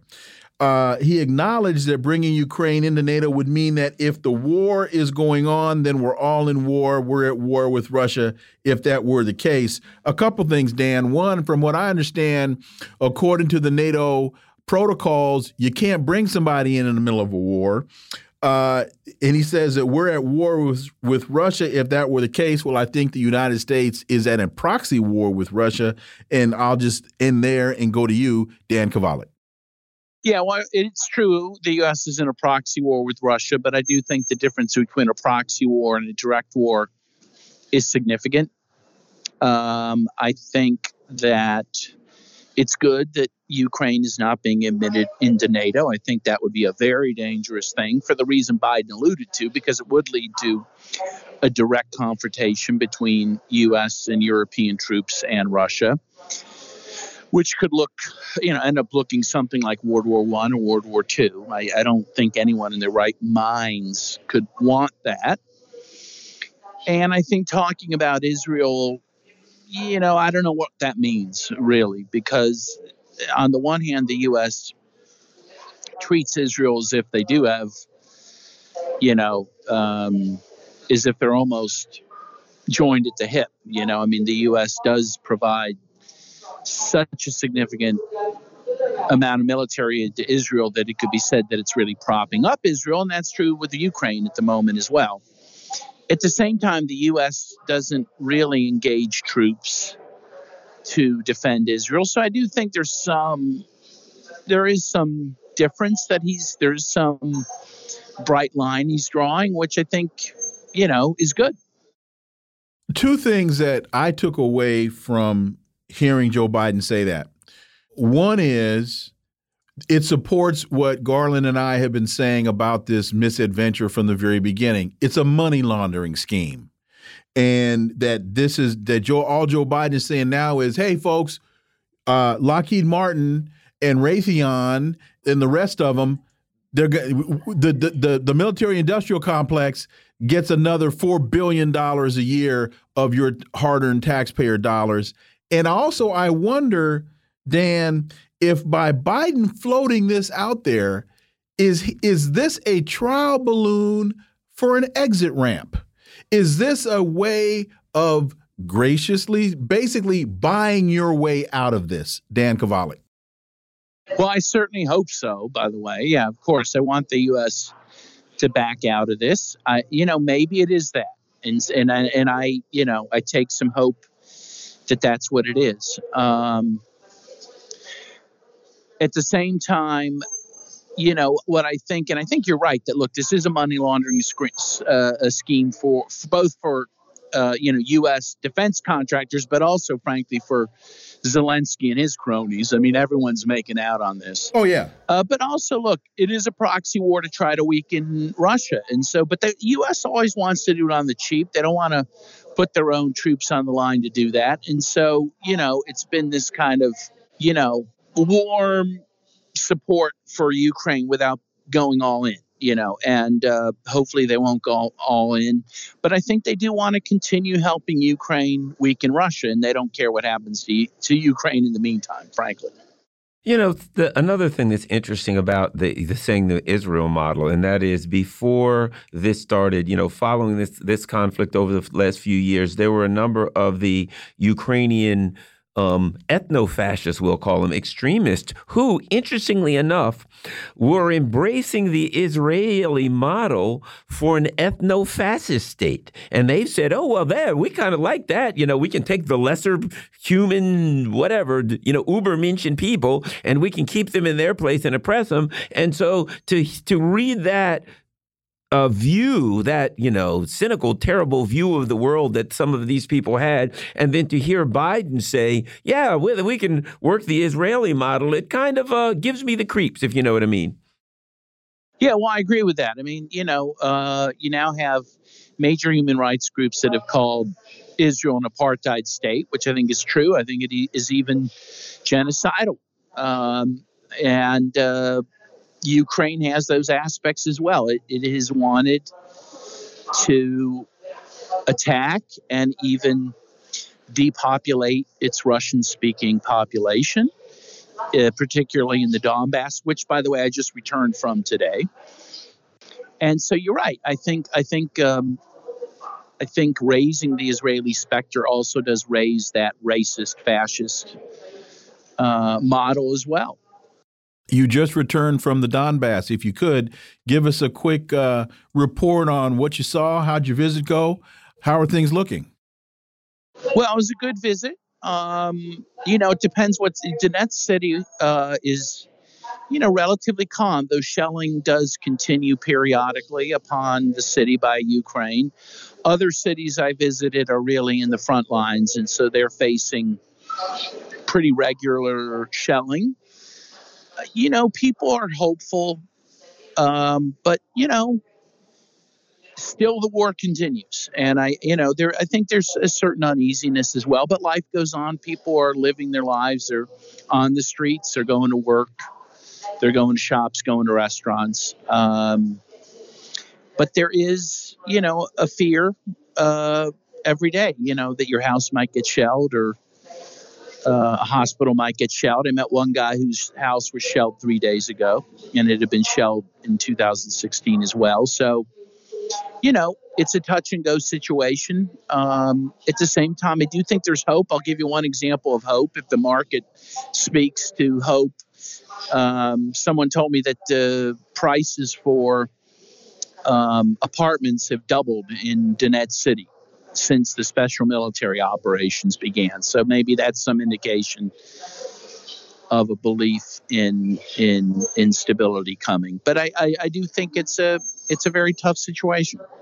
And in, uh, you know, speaking of some things that are relative to the conflict, the BRICS bloc's new development bank, an alternative to the U.S. dominated World Bank, is de dollarizing its loans, promoting local currencies, currencies and adding new members Argentina, Saudi Arabia, and Zimbabwe. What's interesting, we've got Latin America, we've got the Middle East, and we've got Africa. It certainly seems like there's a lot of things going with this new world economic order, and that BRICS is in the midst of it. Your thoughts? Yeah, no, absolutely. People are turning away from the dollar. They have to because the dollar has been used as a bludgeon for so long to sanction countries, to uh, impoverish them with the hope of changing governments and changing policy. And uh, certainly in Russia, they're moving, uh, you know, quickly away from the dollar. And well, that wasn't even their choice. The you know the West cut them off with sanctions, very severe sanctions.